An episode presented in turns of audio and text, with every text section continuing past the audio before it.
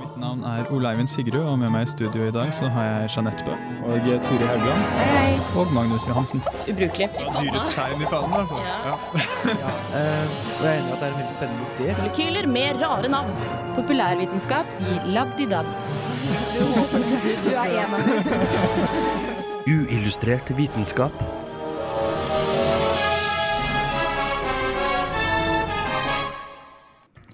Positive mennesker er som regel folk man setter stor pris på. Men er det slik at om man har en dårlig dag, at dette må være en negativ ting? I denne ukas sending av Uillustrert vitenskap vil vi se nærmere på dette. Vi vil også gi dere nyheter angående bl.a. hva det egentlig var som tok knekken på dinosaurene, og hva det er som tar knekken på moskusene.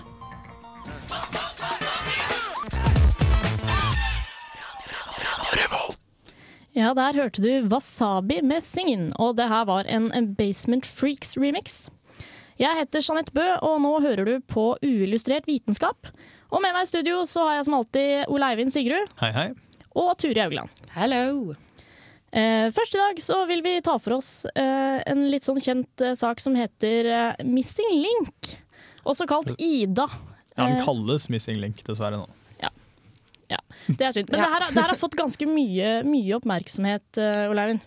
Ja, det har det. Eh, Det vakte veldig stor oppmerksomhet, eh, og var jo presseoppslag og alt mulig rart. Men det var jo kritikere allerede da, og nå har det jo kommet en ny rapport som Turi har sett nærmere på. Mm. Ja, Skal vi bare høre den? Fossile Ida ble svært omtalt i media i fjor under navnet The Missing Link. Paleontologen Jørn Hurum ved UiO, som fikk tak i fossilet, publiserte at dette var den eldste og beste bevarte formen av våre forfedre verden hadde sett. Ida kunne svare på spørsmål som til nå hadde vært ubesvarte innenfor evolusjonens teori. Et ledd der man så tilknytningen mellom menneske og aper. Fossilet fikk navnet Darwinius Masilae til ære for Darwin, og kjælenavnet Ida etter Hurums datter.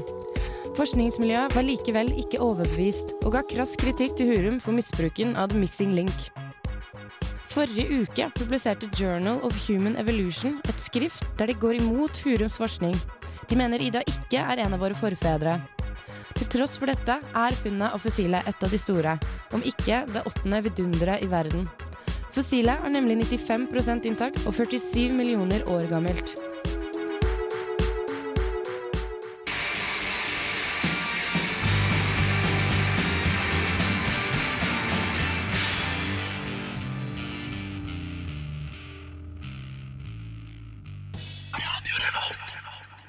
Der hørte du Golden Triangle med I Want To Know. Og ja, vi fikk høre litt om eh, denne Ida, det fossilet som er eh, hvor mange millioner år gammelt? 47, var det det? Ja, Ja. riktig.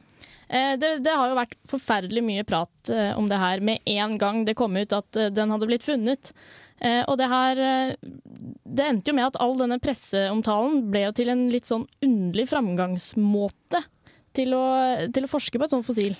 Ja, det var litt sånn uortodoks. Uh, han fikk jo mye skryt da, for forskningsformidlingen, men uh, mange ja, forskere uh, synes dette var feil måte å gå frem. da.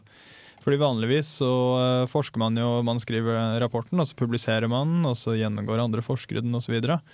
Mens her så forsket de på den, samtidig som de da drev med den forskningsoppgaven sin, så var, ble det også skrevet en bok og lagd en TV-spesial som da alt ble sluppet på én gang. Eh, og så da gikk de ut og sa at dette her er et kjempeviktig funn, tidenes viktigste funn omtrent. Mm, Og at dette her vil eh, si veldig mye om menneskelig evolusjon.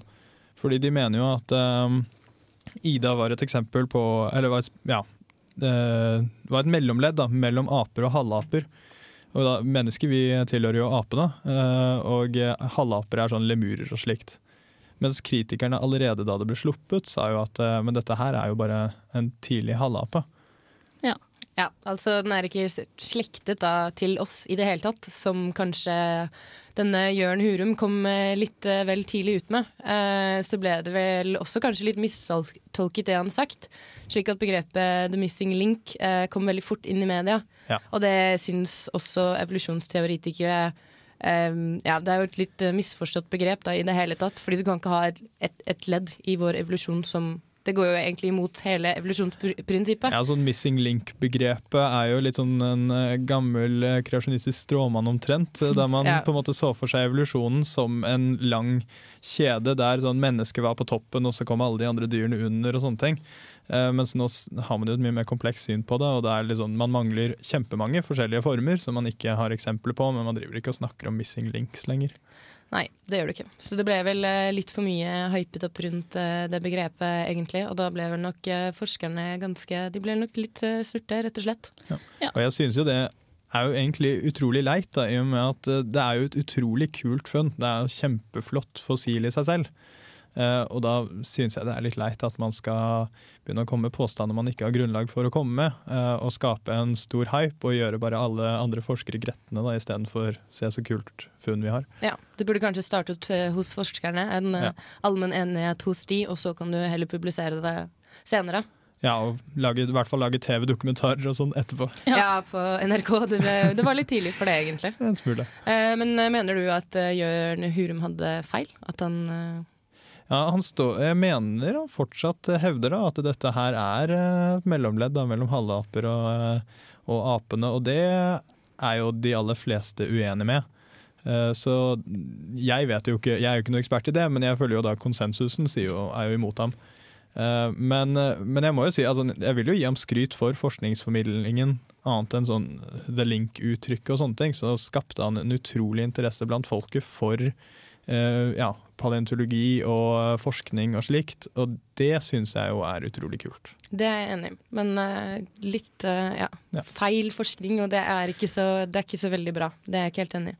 Uh, kommentaren han da sa etter, etter eh, dette magasinet kom ut med at han hadde hatt feil, eh, var at eh, nei, jeg har aldri sagt at det her er eh, våre foreldre, for å si det sånn. At den, hadde han eh, nei. Han mente at eh, vi måtte ikke se vekk fra at uh, dette var et, uh, et veldig tidlig, eller den beste arten vi har av primater. Bare. Ja. Noe helt annet enn det han sa i fjor, da, Ja, med andre ord. Så han sier at nei, nå har ikke jeg sagt det i det hele tatt. At det er vår ja, da må jeg ha feiltolket ham, jeg òg, da. Ja, ikke sant. Det har alle og alle andre opptak av han også blitt fra i fjor. Ja, så det er altså flott og fint med bøker og TV-reportasjer, men eh, om du har gjort en oppdagelse, så vent litt til eh, andre forskere får uh, tolka det du sier. Men eh, apropos fossiler, så er det jo vært lenge masse prat om hvordan dinosaurene egentlig har dødd. Og eh, det her er jo vi lært forskjellige teorier om eh, gjennom eh, skolegangen. Turi har sett nærmere på det her, men det kan vi få høre etter eh, en sang. Eh, og det, det er The Megaphonic Drift med Undertow.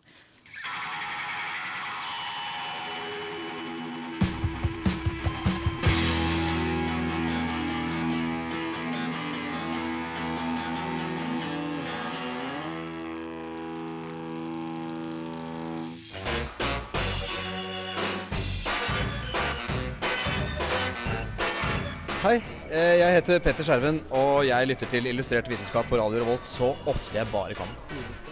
Uillustrert, ja. Veldig bra. Hei, jeg heter Petter Skjerven, og jeg lytter til Uillustrert vitenskap på Radio Revolt så ofte jeg bare kan.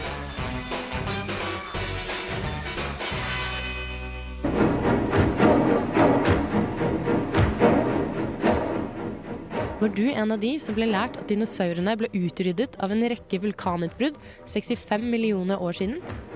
Visste du at denne og masse andre modeller for utryddelsen er satt, men faktisk kun er teorier? I dag har et forskerteam på 40 stykker etter flere tiårs forskning kommet med en ny, mer dramatisk teori med høyere sannsynlighetsfaktor.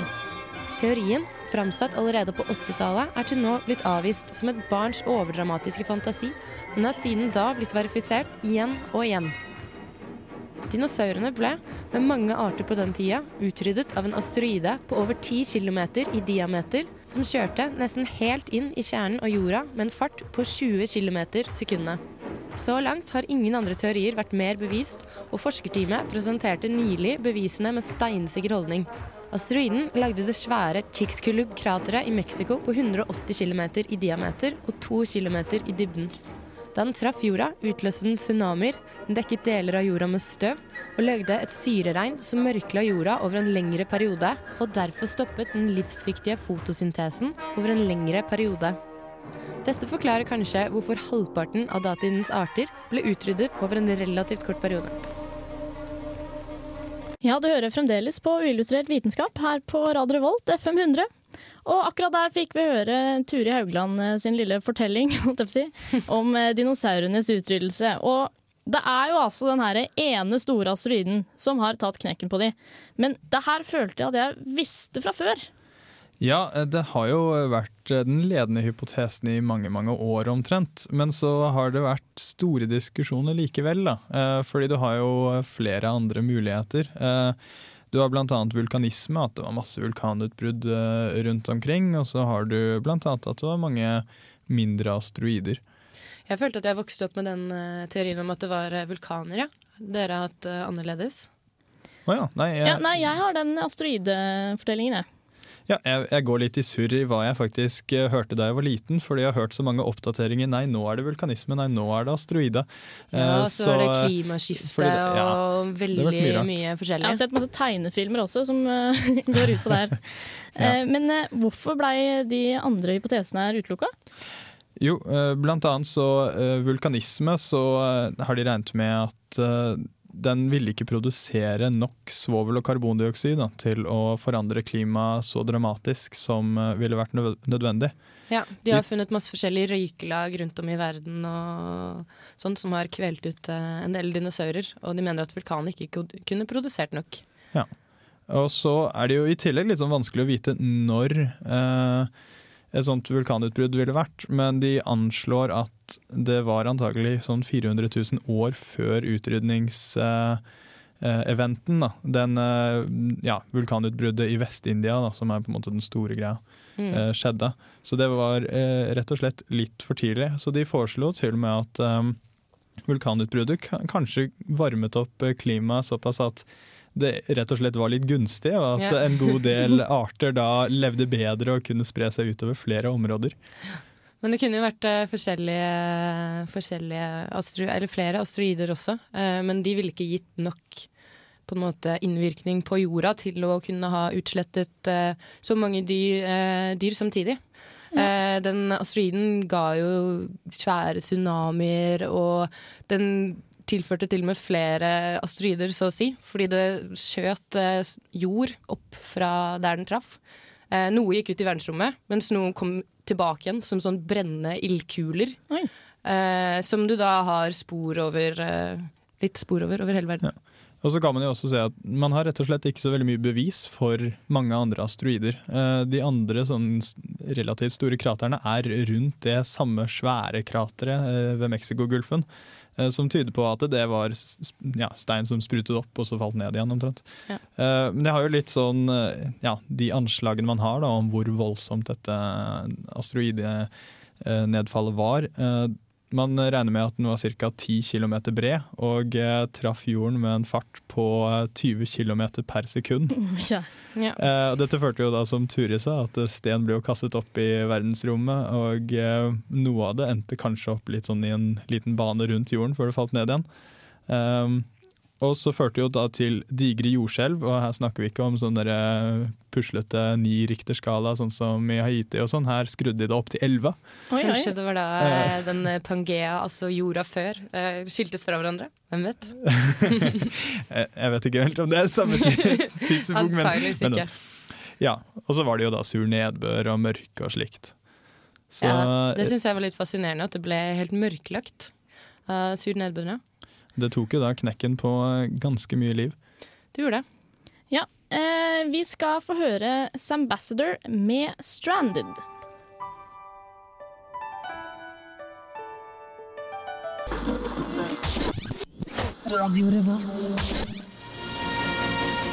Uillustrert vitenskap presenterer Forskningsnytt.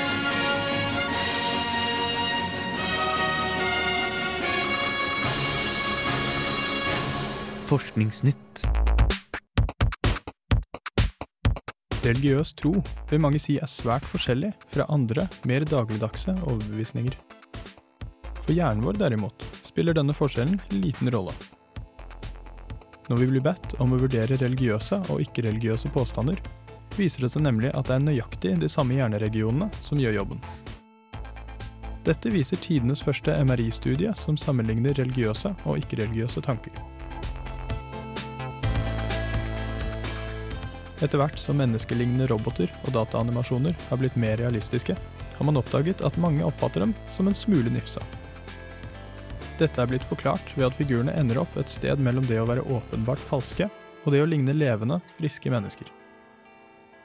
Evolusjonspsykologer har lenge lurt på om dette kan ha evolusjonistisk opphav.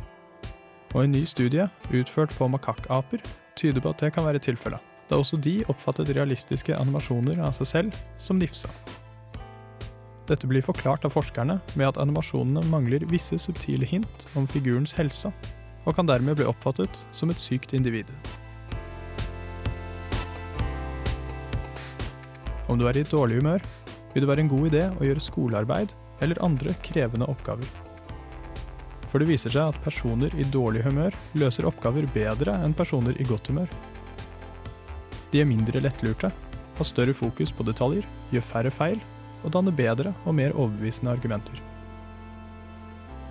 Med andre ord vil det å dele lesesal med en snufsete, bråkete medstudent kanskje være konstruktivt.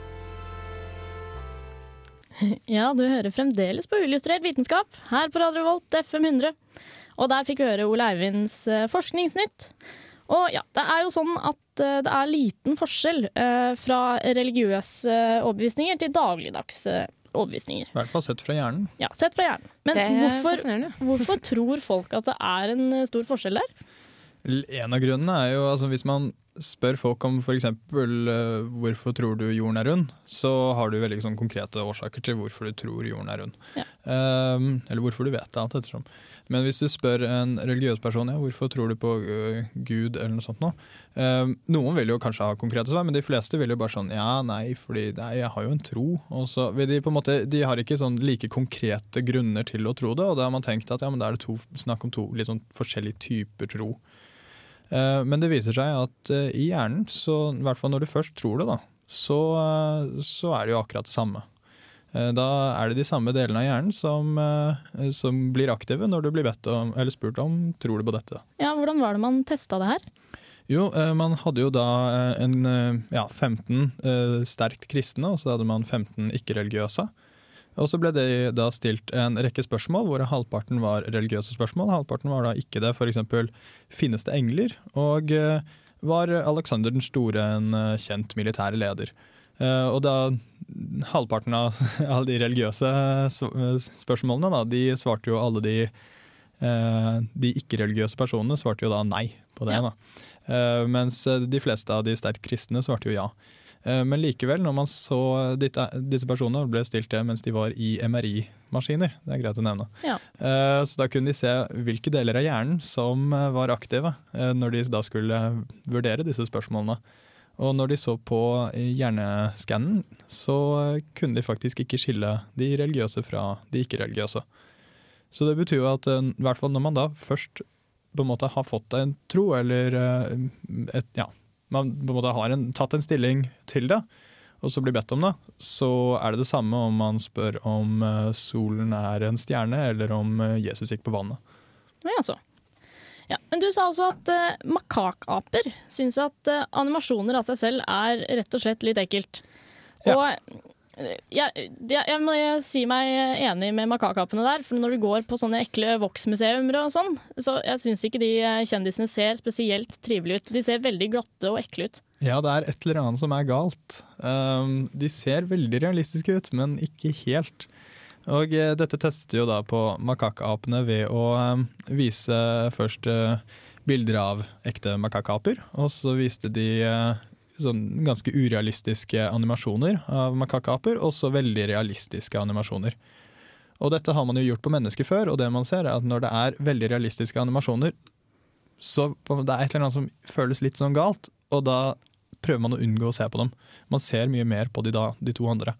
Uh, og det så man på makakaper også. De oppførte seg helt likt. De hadde egentlig ikke helt lyst til å se på disse realistiske animasjonene av makakaper. De ble rett og slett litt sånn creeped out. Godt ikke bare oss. Ja.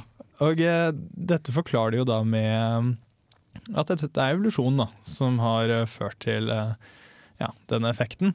Eh, fordi hvis noe ser altså, Det ser jo veldig realistisk ut, men det er et eller annet som er litt galt, så kan det kanskje være f.eks. at de har litt sånn forskjellige hudtoner, eller litt sånn glinsende øyne, eller et eller annet som er litt galt, som da kan tyde på at kanskje de her personene er syke, eller disse apene da, i deres tilfeller er syke. Og syke folk er det jo gunstig ja, må holde å holde seg unna. Men eh, du så også på, eller det var også en nyhet om eh, dårlig humør, og at man bør gjøre skolearbeid når man er litt mer aggressiv enn en vanlig. Jeg merket jeg ble litt glad av den Ja, nyheten. ja, Ja, det, det er det er en nyhet jeg venta på, for jeg sitter og er ganske aggressiv rett og slett på å lese han som regel. Du forklarer så masse i mitt tilfelle. Ja, og det her har jeg sett eh, nærmere på. Eh, men først så skal vi få høre Rahel med 'Hope'.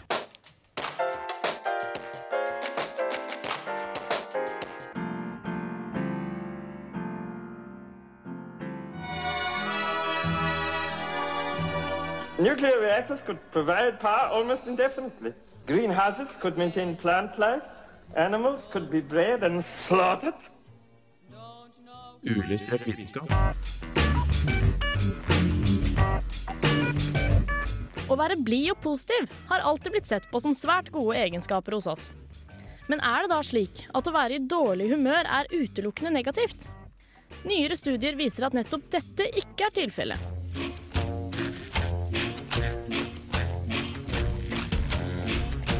I et australsk studie som ser nærmere på hva humøret egentlig gjør med oss, er det kommet frem til at personer med godt humør er mer egoistiske enn personer med dårligere humør. Studiet ble utført ved at forskere samlet 45 studenter til en liksom-test, der studentene ble fortalt at testen skulle undersøke deres kognitive evner.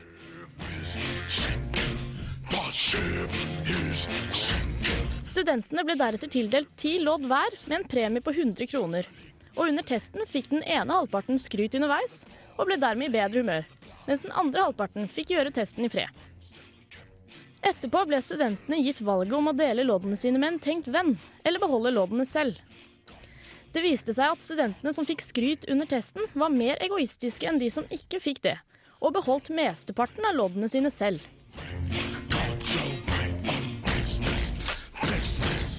Et annet forsøk tok forskerne i bruk videoklipp for å endre studentenes humør. Den ene halvparten av studentene fikk se et ti minutters klipp av hotell i særklasse.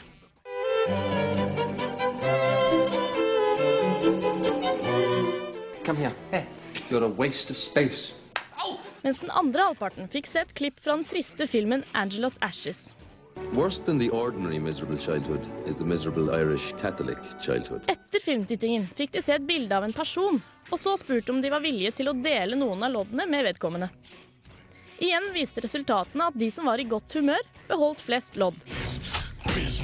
Folk som er i godt humør, stoler mer på sine egne tanker og preferanser, og bryr seg mindre om resten av verden og sosiale normer, sier psykolog Joe Forgus ved University of New South Wales i Australia. Det viser seg at det er flere positive sider ved å være litt muggen en gang iblant. I et lignende studie utført ved Universitetet i Toronto ble humøret på studentene satt av forskjellige typer musikk. Deretter fikk studentene prøve seg på to forskjellige typer oppgaver. Det var en kreativ oppgave som gikk ut på å komme på uvanlige ord, og en oppgave hvor de skulle fokusere hardt på én type informasjon og ignorere alt annet. Studentene i godt humør klarte den kreative oppgaven bra, men hadde liten sjanse på fokusoppgaven. De mer mugne studentene derimot ga stikk motsatte resultater. Det kan altså være en idé med litt depressiv musikk på lesesalen i eksamensperioden.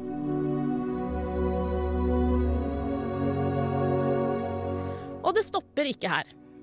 Det er blitt kommet frem til flere overraskende resultater angående glade mennesker. Man skulle jo tro at glade folk har lettere for å stole på andre mennesker enn mer negative folk.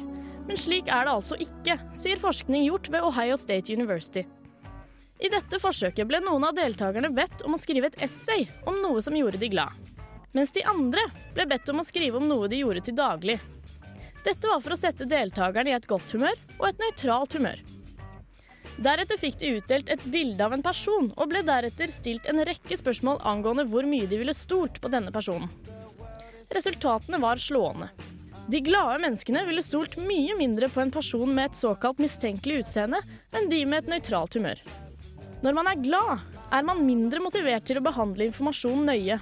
Man føler at alt går bra, så det er ingen grunn til å lete frem ny informasjon, sier Robert Lount, som er forfatteren av dette studiet.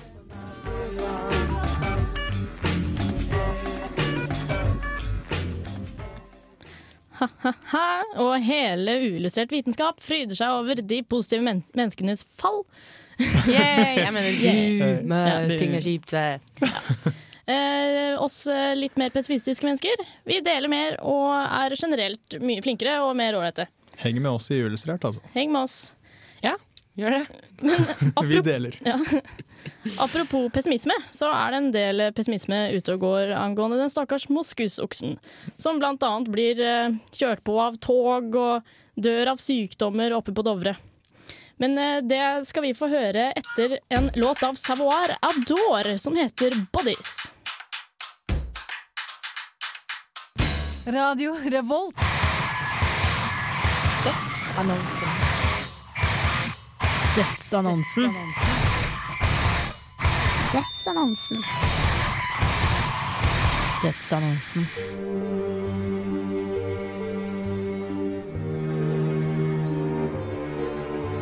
Moskusfe er opprinnelig fra Canada, Grønland og Alaska. Bestanden i Alaska ble utryddet på slutten av 1800-tallet, men har siden blitt reintrodusert der. Den har også blitt importert til Nord-Europa, inkludert Norge og Russland. Verdens moskusbestand skal være et sted mellom 80 000 og 125 000 dyr. At moskusbestanden minker, er ikke noe nytt fenomen, siden denne nedgangen er holdt på i nærmere 12 000 år. Det har lenge vært trodd at nedgangen skyldtes at moskusen har blitt jaktet på av menneskene, men nå viser studier noe annet. For å gjennomføre studiet samlet en gruppe forskere inn moskusben fra så lenge som 60 000 år tilbake. Og fra disse benene studerte de dyrenes mitokondriske DNA. Det ble også gjort med dyr som lever i dag. Dette gjorde de for å se nærmere på den genetiske variasjonen hos moskusen, noe som sier noe om populasjonsstørrelsen. Deretter sammenlignet de tiden da moskusbestanden var liten, med da menneskene ble introdusert med de gitte områdene. Det er sterke beviser for at det er endringer i moskusens leveområder som er grunnen til variasjonene i populasjonsstørrelsen, og ikke jakt. Dette gjør at man heller mer mot å gi klimaendringer skylden. En årsak av nedgangen i bestanden på Dovrefjell er de store variasjonene i temperaturene. Når moskusen har fått den tykke vinterpelsen, og deretter brått blir introdusert for uvanlig varme dager, vil det skje en oppblomstring av pasteurella-bakterien i lungene. Og de kan dermed dø av lungebetennelse.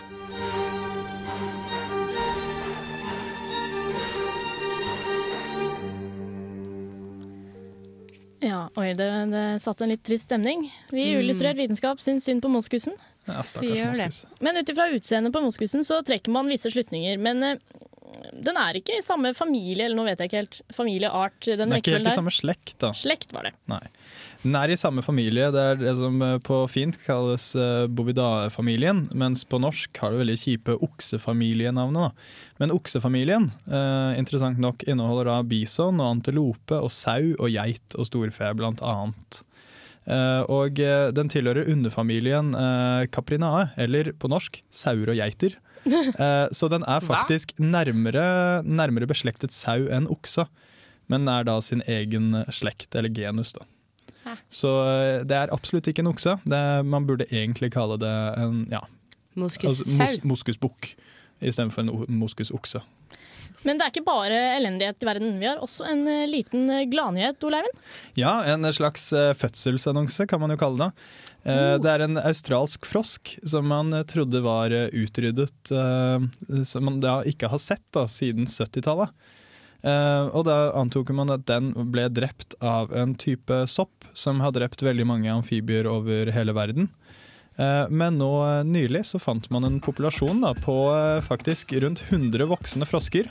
Og fant også rumpetroll som man samlet inn, og de ble voksne. Og man tenker seg at denne populasjonen kanskje kan være resistente mot denne soppen. nå. Nice. nå, vi, nå hører vi bakgrunnen A Tribe Called Quest med Electric Relaxation. Du hører på Radio Revolt, studentradioen i Trondheim. Ja, og nå, akkurat nå så er det jo uh, uillustrert vitenskap uh, du hører på her på FM 100. Og vi begynner å gå ørlite grann tom for tid, så vi må straks eh, si ha det. Men du Oleivind, du skal på en forelesning i dag? Ja, og jeg tenker jo det skal jo dere også, fordi dette her kan man ja, rett og slett skal, ja. ikke gå glipp av. på ja, det, hvis du hører på mm, vår, oss nå, da, 11. mars, torsdag, så kan du stikke på Samfunnet klokken seks om kvelden. Da er det en Gunerius-forelesning i forbindelse med 250-årsjubileum for uh, Norske kongelige vitenskapers selskaps 250-årsjubileum. Da kommer uh, nobelprisvinner i fysikk, Ivar Giæver, og og eh, Charles L. Bennett. De skal forelese. Dette blir kjempebra. Etter det så må jeg drive litt selvreklame for eh, Studentenes skeptikerlag. Vi eh, har et skeptisk pubtreff på Den gode nabo klokken åtte. Vi stikker jo dit da rett etter forelesningene. For en kveld! Dette blir bra. ja, Da sier jeg takk for oss i Uillustrert vitenskap, og nå får du høre The Cure med Just Like Heaven. Ha det godt. Uillustrert vitenskap er Midt-Norges eneste teknologimagasin på lokalradio. Og vi snakker om alt fra populærvitenskap til sære forskningsprosjekt ved NTNU. Radio Revolt, studentradioen i Trondheim, er stolt av å kunne presentere podkaster fra de aller mest populære programmene våre. Hvis du har lyst til å høre mer fra Radio Revolt, hvem vi er og hva slags musikk vi spiller, så kan du høre oss på FM-båndet i Trondheimsregionen, eller streame sendingene våre live på radiorevolt.no.